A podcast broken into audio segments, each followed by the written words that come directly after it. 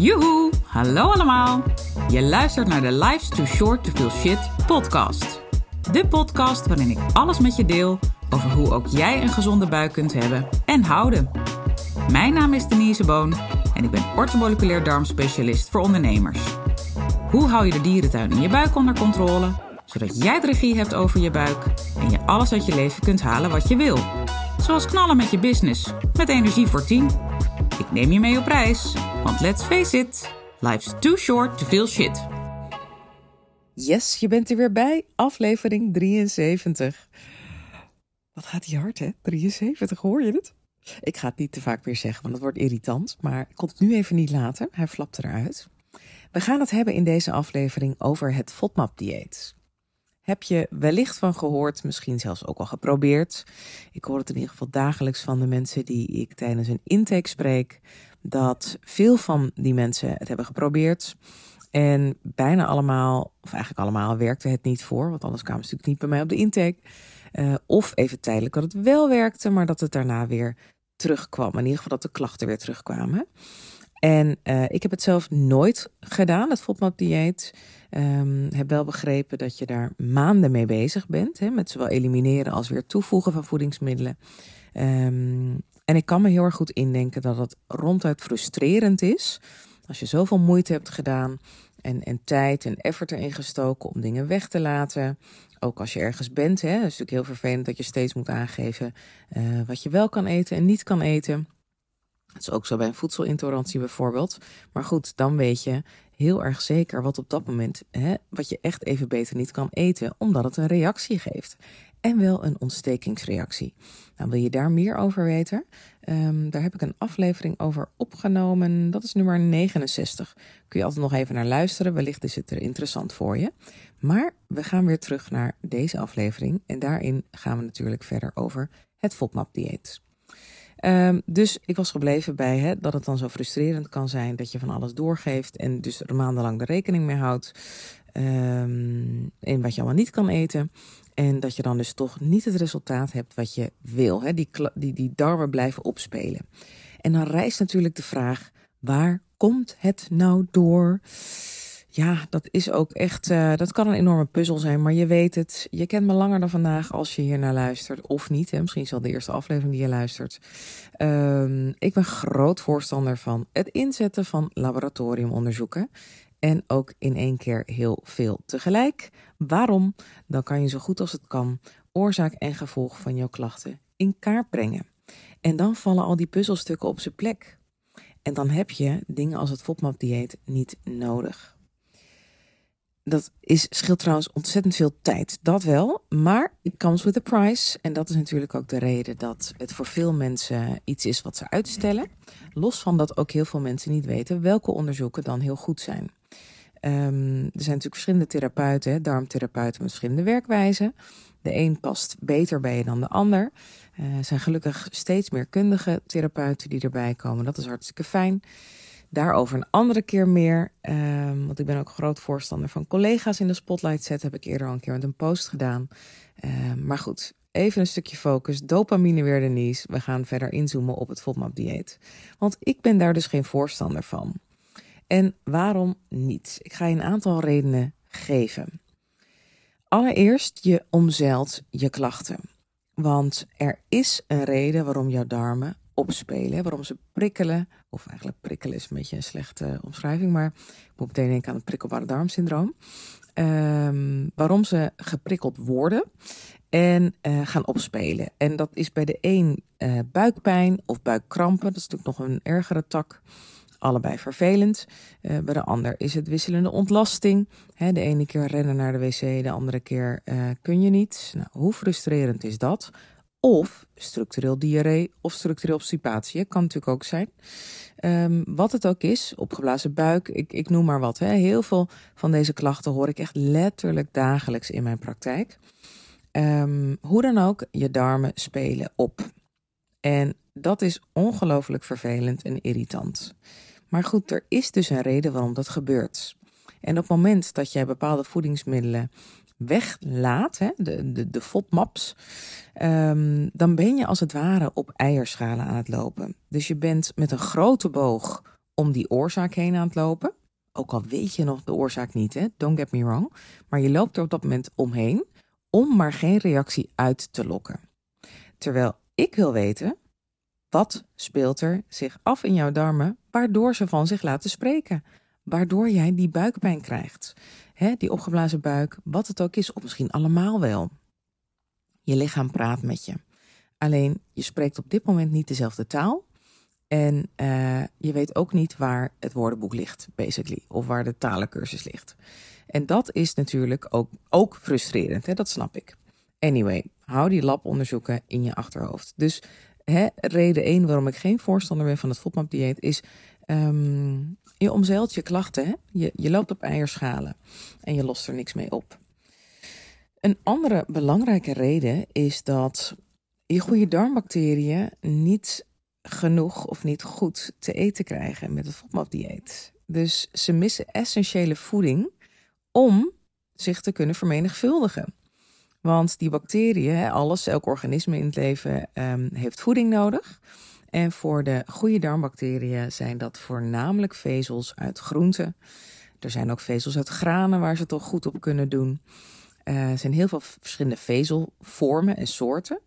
Uh, maar heel veel mensen hebben, um, eten veel te weinig vezels. En zeker uh, de vezels in groenten. Granen, dat lukt allemaal wel. Maar meestal de granen waar we niet zo blij van worden, in ieder geval onze darmen niet. Um, daarover nou ook een andere keer meer. Maar die vezels uit groenten, en ik noem even uh, een paar in het kader van het FODMAP-dieet. Uh, vezelrijke groenten die ontzettend gezond zijn voor je goede darmbacteriën.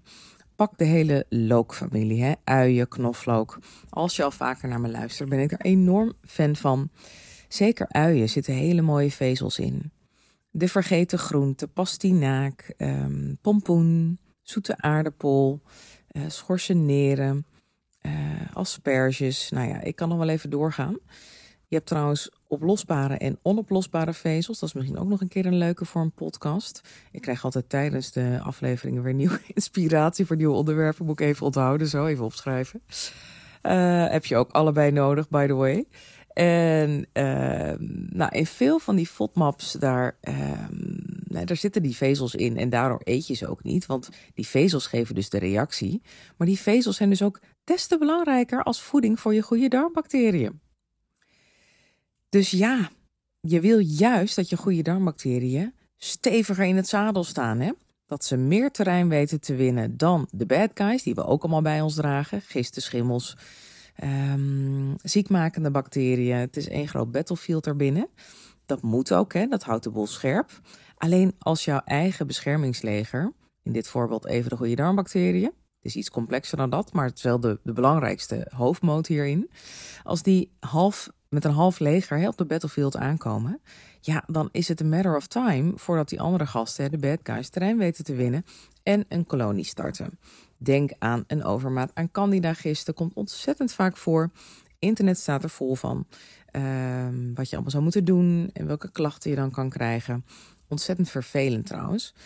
Maar goed, dat is wel dan een van de mogelijke gevolgen waar de kans groter op wordt als jouw goede darmbacteriën in de minderheid zijn. Je wil dus die gasten, de good guys, te eten geven. En dat doe je dus door lekker veel te variëren. Daar komt ze weer, jawel. Uh, met wat je eet en vooral ook in de groenten die je eet. Um, nee, ik wilde weer een sidestep maken, maar dat doe ik even niet, want ik hou even een stukje focus. Dus uh, hè, je geeft dus, als je het FODMAP-dieet volgt, je goede darmbacteriën niet genoeg te eten. Dat is een andere reden waarom ik er geen voorstander van ben. Nou, eigenlijk is de volgende reden de laatste die ik met je wil delen, maar ik denk dat er toch nog een vierde bij komt, want ik ken mezelf, maar dat zien we zo wel. Uh, de volgende ligt een beetje in lijn met uh, die ik net zei: van je geeft je darmbacteriën, je goede darmbacteriën niet genoeg te eten. Ik noemde al even de lookfamilie, uien, knoflook. Laat ik heel even die twee als voorbeeld nemen. Nou, dat zijn, even los van de vezels die erin zitten, uh, zijn het ook voedingsmiddelen waar heel veel zwavel in zit. Alle voedingsmiddelen waar zwavel in zit, die, die nou, ik noem maar even die stinken. Hè? Die hebben een, een penetrante geur. Want dat is namelijk wat zwavel doet. Dus uien hè, kunnen echt zo'n penetrante lucht hebben, zeker rauwe uien. Maar ook heel veel koolsoorten, er zit ook heel veel zwavel in. Nou, er zijn heel veel zwavelrijke voedingsmiddelen, maar ik beperk me even in het voorbeeld tot deze. Ik neem trouwens even een slokje thee, want ik krijg alweer een droge mond. Oh. En een klein beetje context. Meestal neem ik de podcast op maandagochtend op. Het is nu woensdagavond. Het is zelfs een beetje laat, tien uur. Ik zit op mijn bed. en uh, ja, het is de week voor kerst en het is een beetje druk. Uh, maar ik vind podcast opnemen echt een feest. Dus ik vind dat helemaal niet erg om dat nu eens een keer s'avonds te doen. Maar het is een nieuw experience voor me. Uh, maar ik heb een kopje thee bij me, dus ik bler wel lekker verder. Anyway, terug naar zwavel, want daar waren we gebleven. Zwavel is een essentieel voedingsmiddel voor je lever. Daar ben ik weer. Ja hoor, de lever. I love the liver. En als jij dus FODMAPs uh, gaat mijden, dan, en vooral deze, hè, die ik net als voorbeeld noemde, dus echt de zwavelrijke uh, groenten, dan ja, krijgt jouw lever dus onvoldoende voeding. Dus we hadden het net al over je darmen. Hè, en je goede darmbacteriën krijgen te weinig voeding, goede voeding. En nu krijgt je lever ook nog eens een keer niet een belangrijk component wat het heel hard nodig heeft om alle taken te kunnen volbrengen. En ik noem de lever vaak één grote afvalverwerkingsfabriek. De lever doet nog veel meer. Onder andere ook um, is ook betrokken bij het stabiel houden van je uh, bloedsuikerspiegel. Niet alleen de alvleesklier, nee, ook je lever. De lever activeert ook vitamine D. Nou, er zijn nog zoveel taken die die lever doet, uh, waar wij eigenlijk geen weet van hebben. Ga ik komend jaar een masterclass over geven, omdat ik zo dol ben op die lever.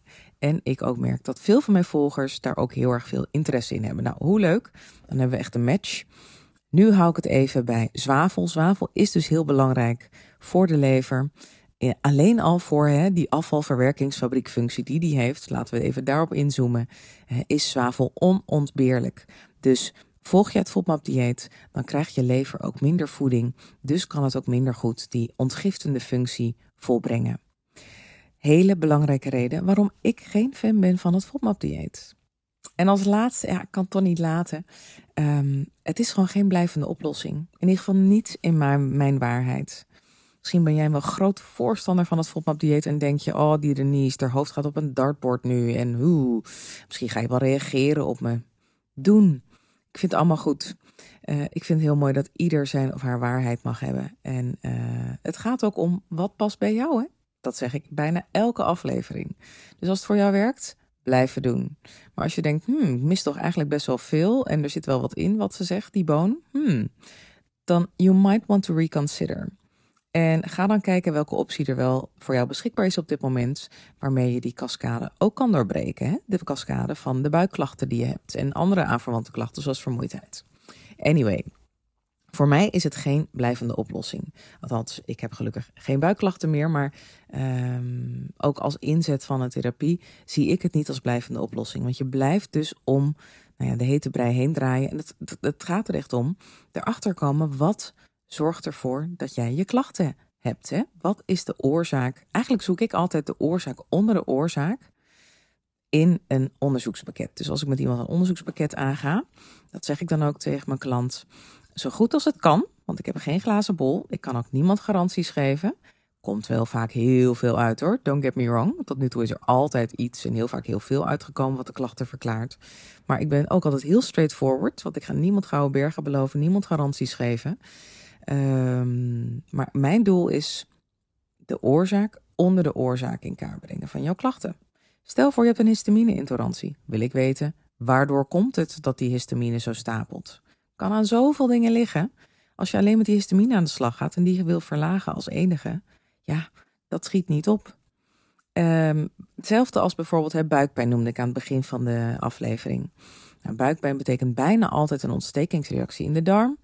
Als je alleen maar die ontsteking te lijf gaat en niet aanpakt wat daaronder ligt, hè, waardoor maakt jouw lijf die ontsteking aan? Dat wil ik weten. Want als je die angel eruit weet te halen, en ook dat lukt bij de ene persoon beter dan de ander. Gaat ook niet mooier maken dan het is. Lukt vaak wel heel goed, dat zeg ik ook heel eerlijk. Ja, als je dat niet weet of niet doet, dan ben je die angel er niet uit aan het halen en ben je alsnog op eierschalen aan het lopen. En dat is dus ook mijn hele punt met het FODMAP-dieet. Weet wat jouw klachten veroorzaakt. Want als je dat niet weet, ben je dus constant met het vermijden van bepaalde voedingsmiddelen als diagnostisch middel um, ja, je klachten aan het omzeilen en uh, uit de weg aan het gaan. En je kijkt ze niet aan en je gaat er niet doorheen. Nogmaals, het is niet voor iedereen weggelegd, maar als het tot je opties behoort en als je er prioriteit van maakt, want dat is ook zo wat. Ik moet meteen denken aan een dame die, uh, dat was alweer een paar jaar geleden. Zij zei tegen me: um, Ik heb besloten dat ik dit jaar niet op vakantie ga. Want ik ga al mijn spaargeld inzetten voor onderzoeken. Ik zeg trouwens niet dat je dit moet doen. Hè? Dit is even een voorbeeld wat nu bij me opkomt van een, een klant. Um, dat geeft aan, voor haar was het. De maat was zo vol, voor haar werd het prioriteit. En zij was ook bereid om, of zelfs bereid wil ik zeggen, om haar vakanties dat jaar op te geven ervoor. Ieder maakt zijn keuzes, hè? Ik veroordeel niks of niemand, maar het is een mogelijkheid. Het geeft echt aan hè, voor ja, hoe, hoe erg is de maat vol voor je. Ik geef het mee aan je als food for thought.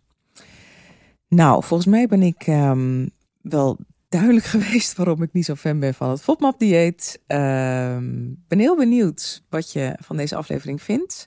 Leuk als je met me deelt. Um, even praktisch, want deze aflevering komt in de week van kerst uit. Komende weken ben ik minder goed bereikbaar. Ben ik lekker aan het genieten van vakantie met mijn lievertjes. Uh, maar als je mij een DM stuurt via Insta, dan reageer, reageer ik altijd. Um, dus leuk als je deelt en leuk als je de volgende keer er ook weer bij bent. En de komende tijd ga ik best wel veel maandmenu's verloten, want dat heb ik volgens mij begin van deze maand gezegd dat iedereen die um, feedback op mijn podcast geeft, maar ook bijvoorbeeld de podcast deelt met anderen en me dat even laat weten. Bijvoorbeeld met Insta-stories of zo. En dat je me dan even tagt. Uh, dat vind ik super leuk. Want hoe meer mensen er luisteren, hoe meer mensen ik kan inspireren. in wat voor hun een goede nieuwe stap kan zijn. Hè, in de upgrade van hun gezondheid. En dat vind ik heel tof. Uh, en ik krijg heel veel leuke reacties dat de podcast zo waardevol voor veel mensen is. Nou, super om te horen natuurlijk. Ik ben ook maar een mens en ik zit maar te blaren in zo'n microfoon. Dus je doet mij er ook heel veel kudo's mee als je me dat laat weten. Um, maar je maakt daarmee dus ook kans op een histamine maandmenu. En deze maand dus veel meer kans dan normaal. Want ik geef er deze maand maar liefst vijf weg. Ik verloot er vijf. Normaal is er één per maand. Maar deze maand zijn het er vijf. Dus leuk als je je feedback deelt. En uh, ik zou zeggen, op naar de volgende. Dag, dag. Toppers, bedankt voor het luisteren. Leuk dat je er weer was. Smaakt dit naar meer? Abonneer je dan even op mijn podcast. Zo zorg je ervoor dat je geen enkele updates mist en dat jij volledig up-to-date bent over hoe jij je buik gezond houdt with fun and ease. En als mijn afleveringen waardevol voor je zijn, laat hem dan even weten. Vind ik leuk. Je maakt me het meest blij met een korte review via iTunes of Spotify. Alleen het aantal sterren aangeven dat jij de podcast waard vindt is voldoende. Je kunt me ook taggen via Instagram.